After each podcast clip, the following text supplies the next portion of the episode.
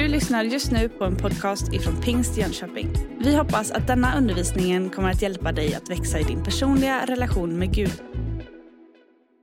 Daniel Holmgren och jag är till vardags så jobbar jag som pastor i Pingstkyrkan i Norra Hammartaberg.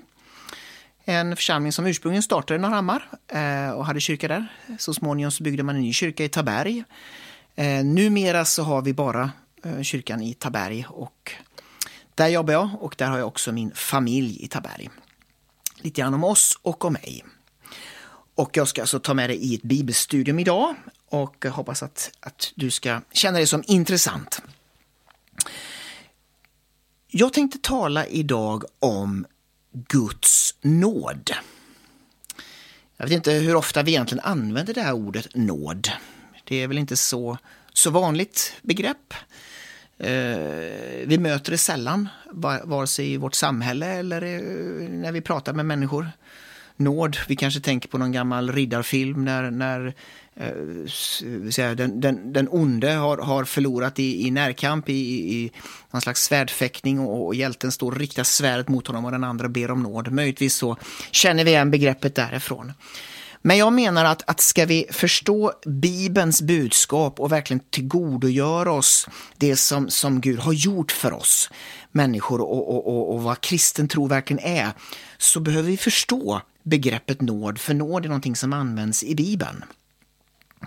Och ehm, Första gången vi stöter på ordet nåd är i Första Mosebok 6, alltså i den första boken i Bibeln, i Gamla Testamentet.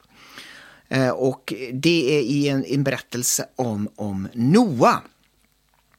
Noa vet du kanske som, som, eh, om du inte vet det så, eh, han fick en kallelse från Gud att bygga ett fartyg, ett skepp, för att rädda sin familj och ett antal djur undan den flod som vi allmänt brukar kalla för syndafloden.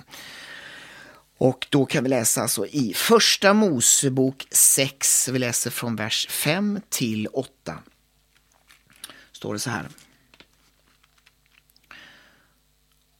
Och Herren såg att människornas ondska var stor på jorden och att deras hjärtans alla tankar och avsikter ständigt var alltigenom onda. Då sörjde Herren att han hade gjort människorna på jorden och han var bedrövad i sitt hjärta.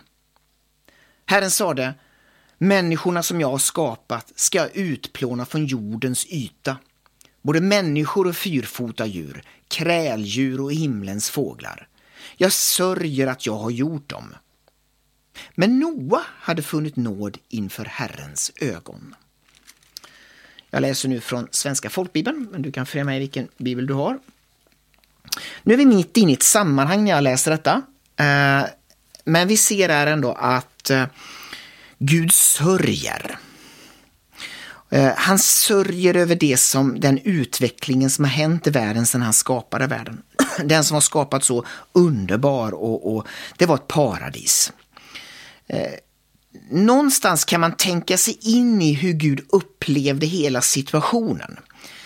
Eh, det jag gillar lite med, med, med första Mosebok det är att det är en så, det är en gammal text, det är det ju, och det är, det är en gammal tradition. Den har traderats, alltså berättats från generation till generation. och, och eh, det är inte olikt berättarstilen att Gud får verkligen dessa mänskliga attribut som glädje, ånger, ilska och annat som, som och, och, och, vi kan också läsa att han, han skapar med sina händer. Människan skapas utav lera och jord från, från, från, från marken. Inte så att, men det är klart att vi vet ju att om, alltså, om vi är skapade av Gud så kommer ju allting ursprungligen från Gud. Han kan känna glädje, han kan känna ånger, han kan känna ilska. Men just detta att, att Gud är ju ändå så mycket större. Ingen kan riktigt förstå sig på Gud helt och hållet. Men, men jag tror att, att man har ändå eh, på något sätt beskriver Gud i de här texterna eh, så som, som, som en människa skulle kunna reagera. Det gör ju att, att, att vi som människor kan leva oss in och förstå berättelsens poäng. Och, och, och, Gud älskade sin skapelse som han har gjort. Men lika mycket som han älskade den så gjorde det också lika ont när det inte blev som han hade tänkt sig. Man kan ju sitta och diskutera hur långt som helst om, ja, men om Gud är allsmäktig, varför händer detta och så. Men det är ingenting som riktigt Bibeln, riktigt, en fråga som inte Bibeln ställer, utan Bibeln beskriver vad som hände, vad som är orsaken till att vi har den värld vi har. Den besvarar lite de stora frågorna.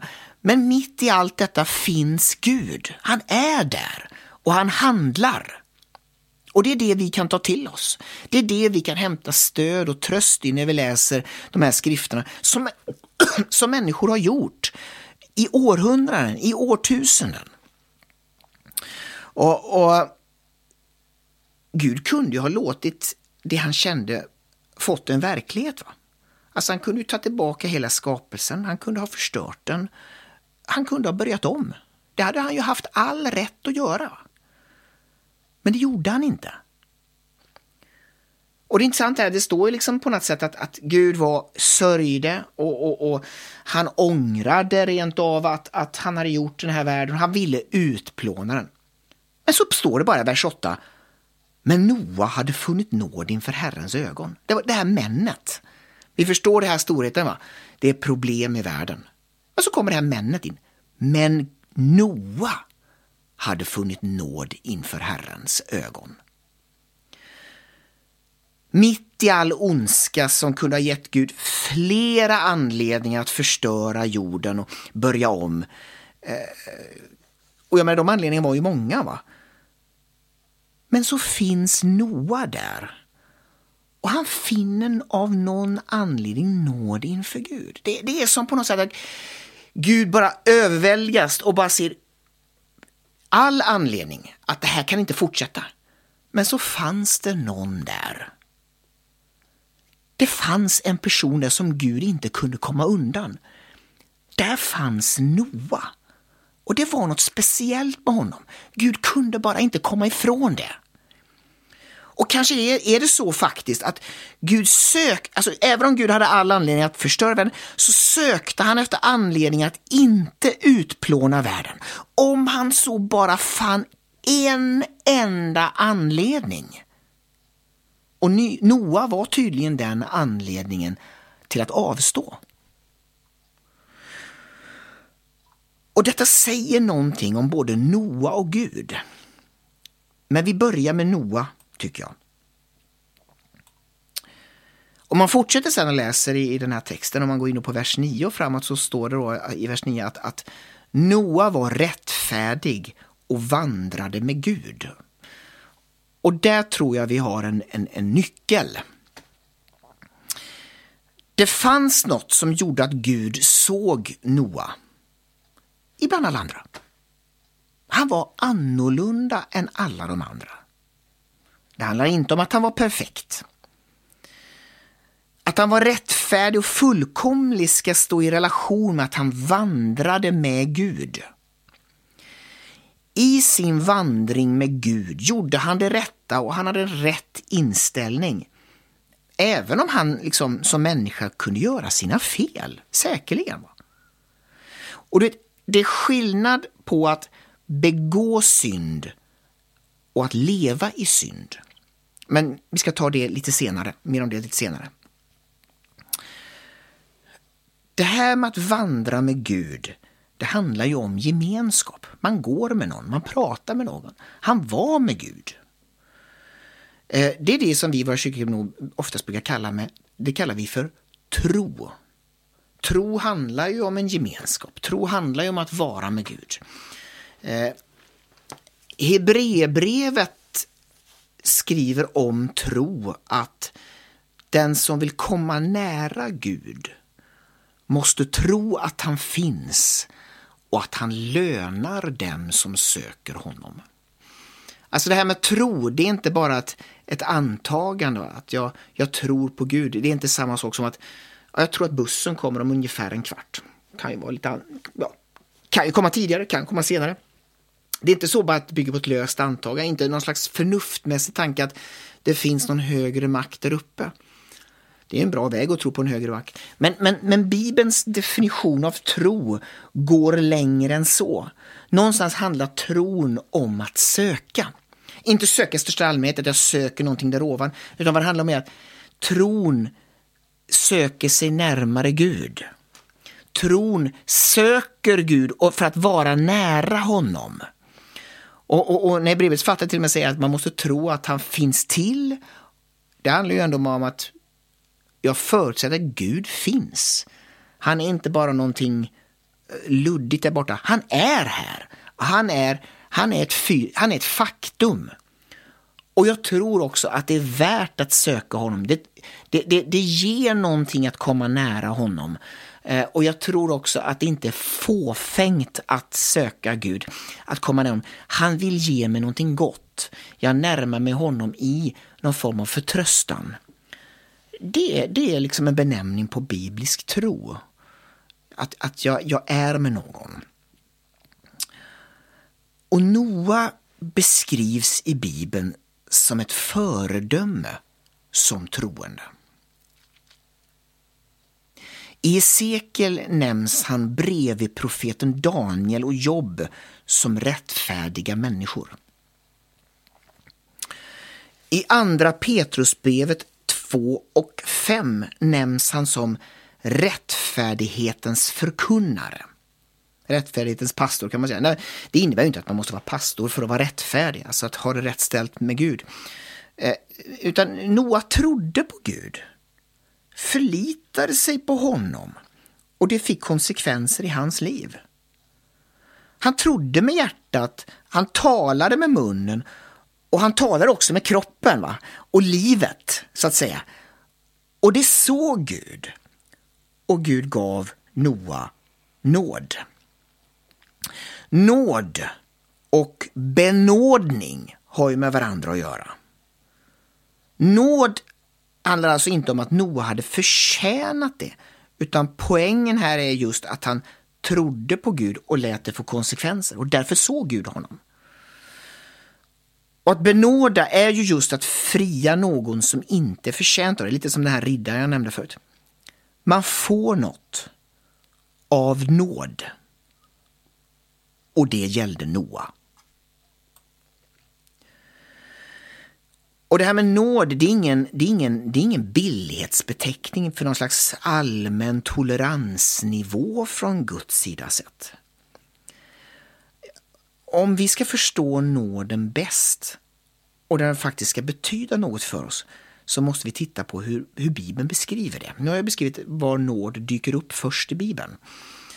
Eh, nåd handlar inte om att Gud har förändrat sig. Att han har liksom lagt, till, lagt sig till med någon eh, snällare sida. Nåd handlar inte heller om att lag och rätt har upphört. Jag menar, att ta Guds nåd som en intäkt för att leva för sig själv eller mot vad Gud säger i sitt ord, det är att bedra sig själv. Det säger Judasboken, vers 4. Det går att förvränga Guds nåd till ett liv i omoral. Men det är ett fel sätt att se på nåden. Tvärtom är det faktiskt så att Guds nåd hjälper oss närmare honom. Vi ska titta på ett bibelställe i eh, Titus. I Titusbrevet. Ska vi gå dit bara? I Titusbrevet. Och då, då hittar vi i Titus 2 i vers 11 till 13 så står det så här. Guds nåd har uppenbarats till frälsning för alla människor. Den fostrar oss att säga nej till ogudaktighet och världsliga begär och istället leva anständigt, rättfärdigt och gudfruktigt i den tid som nu är, medan vi väntar på det saliga hoppet att vår store Gud och frälsare Jesus Kristus ska träda fram i härlighet. Guds nåd, säger han här, har uppenbarats till frälsning för alla människor. Gud har uppenbarat någonting för oss människor som ska bli till räddning för oss. Nåd är, som jag säger, då, inte att Gud har lagt till sig med någon ny grej, va? utan nåd är en del av Guds personlighet. Eh, och den har lagts fram till en frälsning för oss. Det betyder att om Gud inte hade varit nådefull så hade det inte funnits någon frälsningsväg. För alltså, vi hade inte kunnat komma till Gud, vi hade inte kunnat bli hans barn, vi hade inte kunnat vara med honom. Mm, så, som du förstår här, nåden är liksom oundvikligen någonting vi måste ha, annars är det ute med oss. Och då säger han att den nåden som uppenbaras till räddning för oss, den, som är inne då i vers 12, den fostrar oss att säga nej till ogudaktighet och världsliga begär och istället leva anständigt, rättfärdigt och gudfruktigt i den tid som nu är. Nåden som Gud uppenbarar, det är en kraft som hjälper dig och mig. Att, att leva som Gud vill, det är alltså inte frågan om någon form av, det är inte terapi, det är inte en tränings, eh, det är inte, det är inte trä, träningsmoment, det är inte, det är inte liksom, det är inte någonting jag ska försöka tänka mig till, eh, utan det är någonting som Gud gör med dig och mig när vi ger oss till honom. Man kan egentligen säga att Guds räddningsplan, det är helt och hållet någonting som Gud gör. Jag kan inte klappa mig för liksom jag kan aldrig peka på mig själv som jag är lite godare än andra, jag är lite bättre än dig och sådär. Nåden är inte en stege där vi avgör om man tittar upp eller tittar ner på människor, vem som har kommit längst. Nåden är Guds kraft till att forma oss till hans avbilder, att bli lika honom helt enkelt. Eh, och nåd är samlingsbegreppet för hur Gud kunde visa sin fullkomliga kärlek fullt ut och samtidigt vara en rättfärdig domare som dömer mellan rätt och fel. Det är inte antingen eller, utan båda två. Och det är det som är Guds nåd. Och då tänker du kanske, men, men, men vad, vad, hur hänger det ihop? Jag menar, ofta gör man väl ändå på det ena sättet och bortser från det andra. Antingen tar man sitt straff, så är det bara. Eller så slipper man. Av nåd. Någonstans måste väl ändå nåd gå före rätt, om man nu, som vi nu brukar säga. Man gör ett litet undantag. Ja, eh, det är sant. Det är delvis sant. Eh, därför man kan ju säga det, det, kan man absolut göra. Att Guds nåd, det är detsamma som att på grund av hans kärlek så låter han syndaren leva och efterskänker honom eller henne sin skuld. Men det skulle bara vara att förklara hälften av vad Gud har gjort. Eh, om vi nu ska titta på ordet och begreppet nåd eh, så finns Eh, det finns flera ord i Bibeln som betyder nåd. Om vi börjar med Gamla Testamentet då så används särskilt ordet chesed och ordet hen. Chesed betyder nåd. Det betyder fromhet, godhet, kärlek, eh, vänlighet med mera. Och, och, Det ordet står i relation till gemenskap. Alltså Gud är en förbundsingående Gud och i förbundsrelation till honom visar han nåd. Alltså eh, eh, förbund, avtal. Det finns rättigheter och skyldigheter. Gud kräver din och min lydnad eh, mot att han ger oss nåd och sin kärlek. Det är ett utbyte om man säger så. Där i det begreppet står ordet chesed. Ordet hen är ungefär detsamma men står mer i betydelsen av oförtjänt nåd som ges till någon som inte presterat något. I fallet med Noa används det ordet. Men grundläggande så står begreppet i Gamla Testamentet för den som har gemenskap med Gud genom förbundet har också fått tillgång till hans nåd. Man kan säga att förbundet, avtalet, det är det enda, inom citationstecken, paraply där nåden gäller. Utanför nåden, utanför det här paraplyet då, förbundet, så gäller Guds vrede. I, eh, I Johannes kapitel 3 Och vers 36 så står det så här.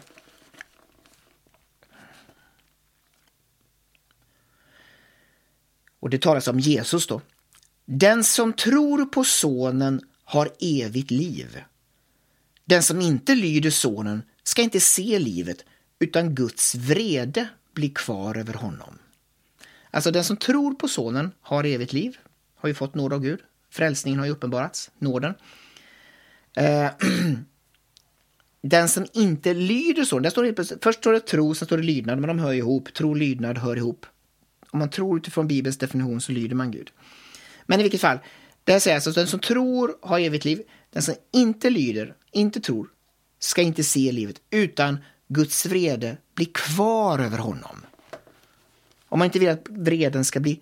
Vreden handlar inte bara om en gud som, som en slags bärsärkagång slår sönder dessa grejer. Det är inte det det handlar om. Det handlar, det handlar om Guds rättvisa över det som är fel, han, som domare. Och ska man inte bli kvar i det, då ska man komma in under Guds nåd, alltså tro på honom, lyda honom eh, och, och, och, och vara inom hans frälsning. och, och om vi nu ska gå in på Nya testamentet så står, då står liksom det grekiska ordet karis för nåd. Även här är förbundsbegreppet liksom inkluderat och det finns kvar i Nya Testamentet. För här har vi då Kristus, alltså Jesus som har trätt in då i förbundets tjänst. Han har kommit med försoning, han har uppfyllt alla gamla testamentets förpliktelser, han är men man offrade förut, det var ett sätt att på något sätt erkänna eh, Guds nåd och, och att någon annans blod fick rinna för mig. Det har Jesus gått in och gjort. Eh, han är förbundsblodet. Eh, han är också uppenbarelsen. Eh, och det är i honom som vi står i nåden. Utanför Kristus, utanför nåden, härskar vreden och rättvisan. Karis betyder då som sagt nåd och det är alltid knutet till vad Jesus har gjort. Och det betyder att för dem som tror och förlitar sig på Kristus så härskar och regerar Guds nåd, hans barmhärtighet, hans välbehag över dem som tror på honom. Vad är välbehag? Det handlar ju om någon som finner någonting gott i någonting. Välbehag handlar helt enkelt om att Gud ler åt oss när han ser på oss. Och i, i nåden finns det här leendet. I nåden finns utkorelsen, utväljandet och kallelsen. Han kallar oss till sig. Vi är färdiga och accepterade av Gud, helt igenom.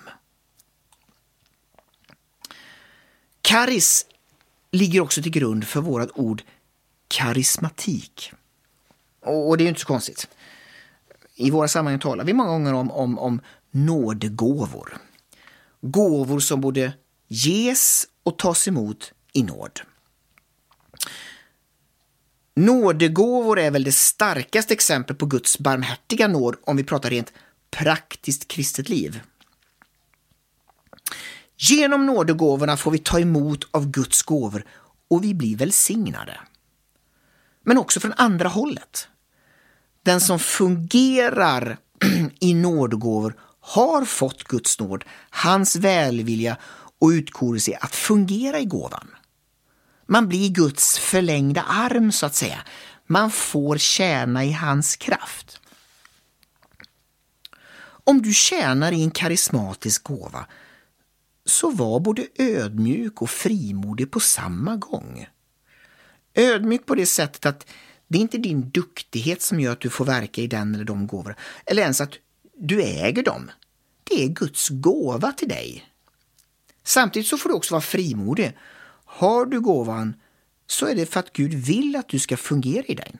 Att Gud ger nåd innebär, jag har gett dig den gåvan, för det var tänkt att du skulle använda den. Så, så har han gett dig sitt godkännande, använd gåvan. Därför ska du inte gömma undan din, din eller dina gåvor. Det är inte ödmjukhet, utan lyd kallelsen och använd de gåvor du har fått.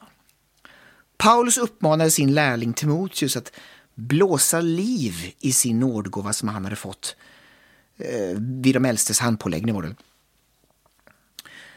nåd står aldrig i relation till våra prestationer.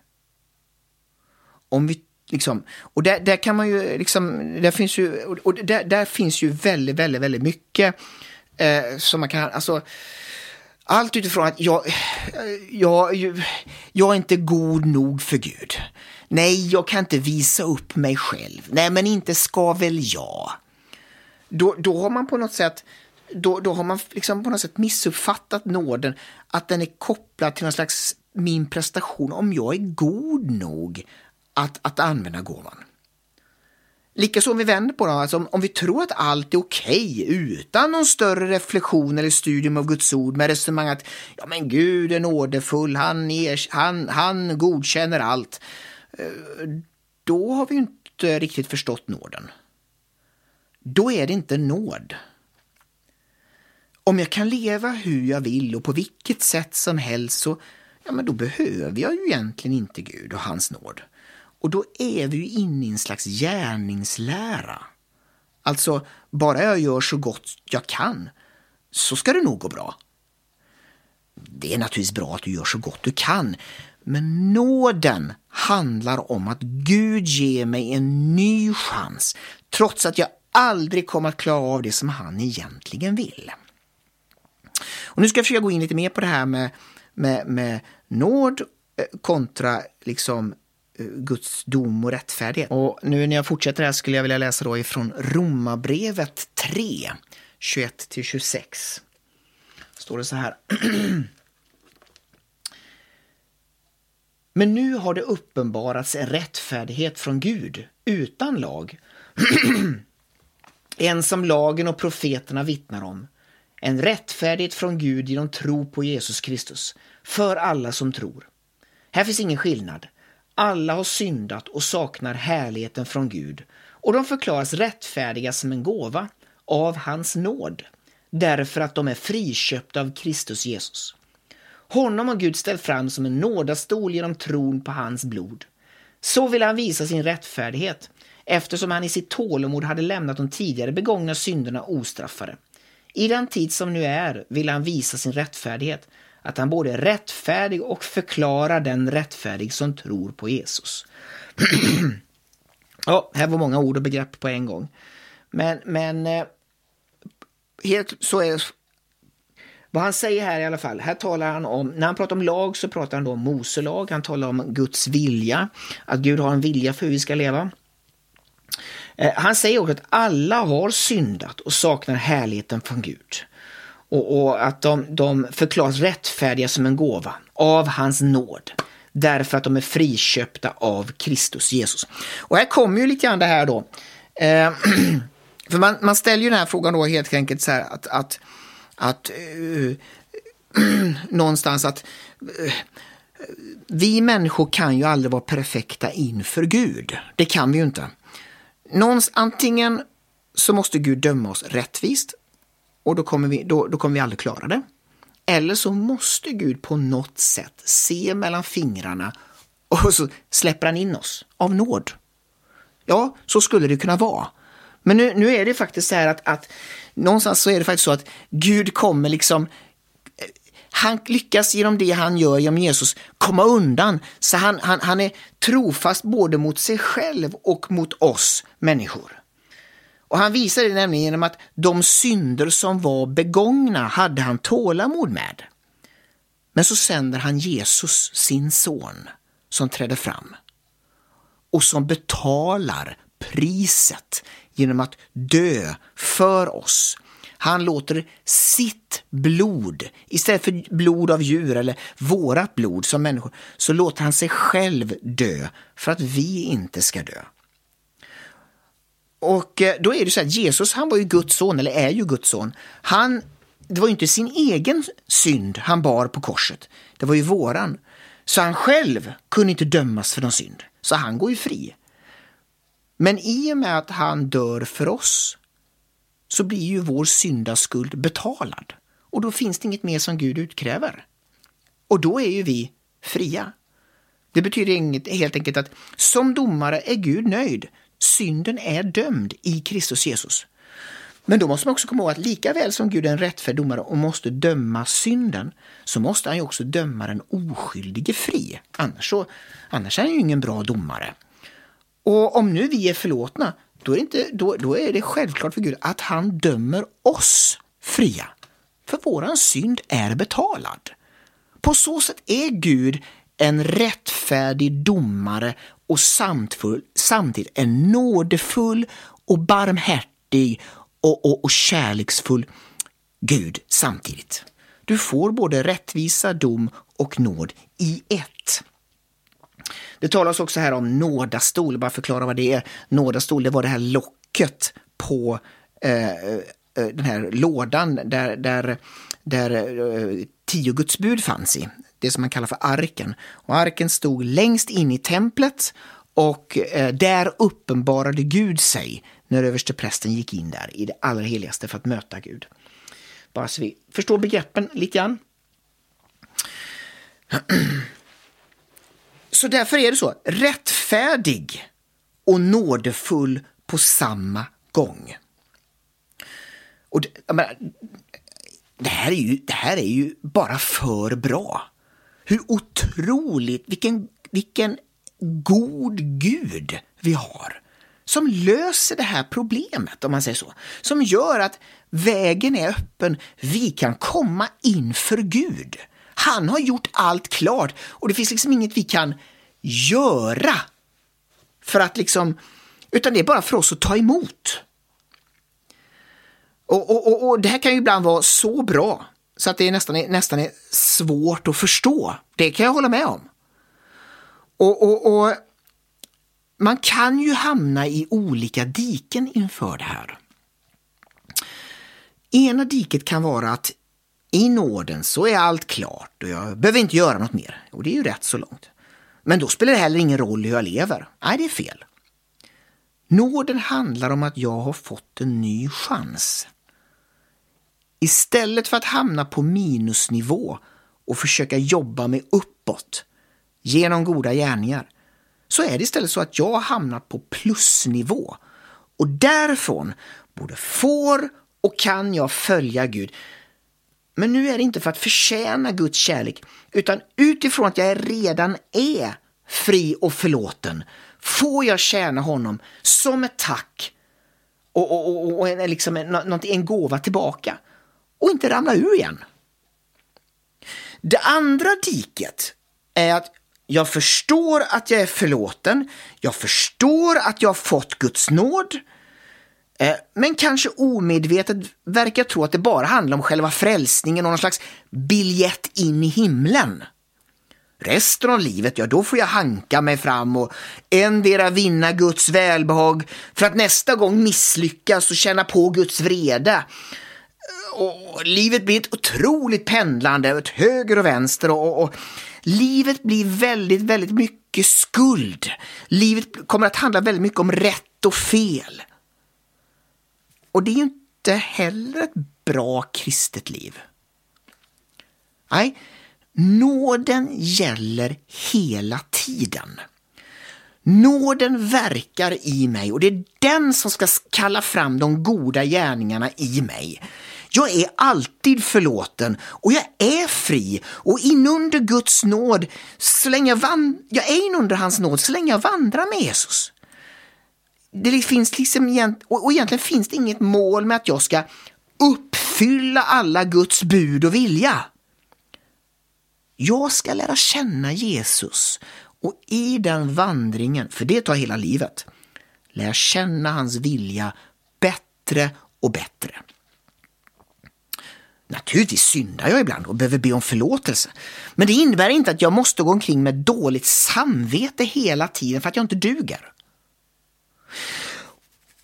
Och det här med att leva i synd och, och, och begå synd, som jag var inne på förut, handlar inte om att liksom skillnaden med det, det handlar om att jag vet jag om att något är fel i mitt liv men i trots håller fast vid det, då lever jag i synd och det kommer att hindra glädjen och frimodigheten i mitt liv.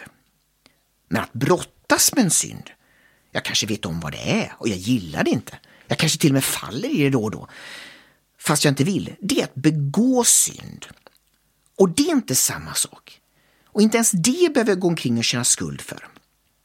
Och det här med att brottas med synd, det är något vi möter i livet. Det, det är en del av livet. Paulus är inne på det i Romarbrevets sjunde kapitel.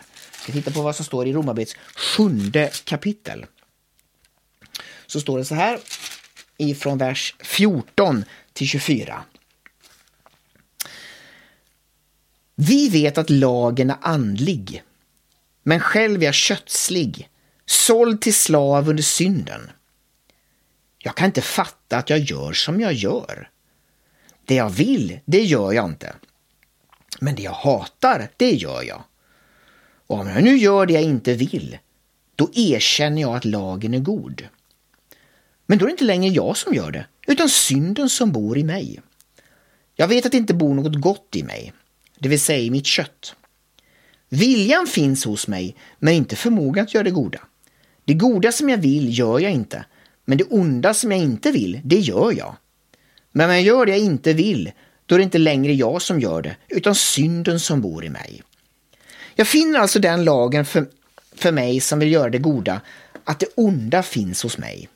I min inre människa glädjer jag mig över Guds lag, men i mina lemmar ser jag en annan lag som kämpar mot lagen i mitt sinne och gör mig till fånge under syndens lag i min kropp. Jag arma människa, vem ska rädda mig från denna dödens kropp? Gud vare tack genom Jesus Kristus vår Herre. Alltså tjänar jag själv med mitt sinne Guds lag, men med köttet tjänar jag syndens lag.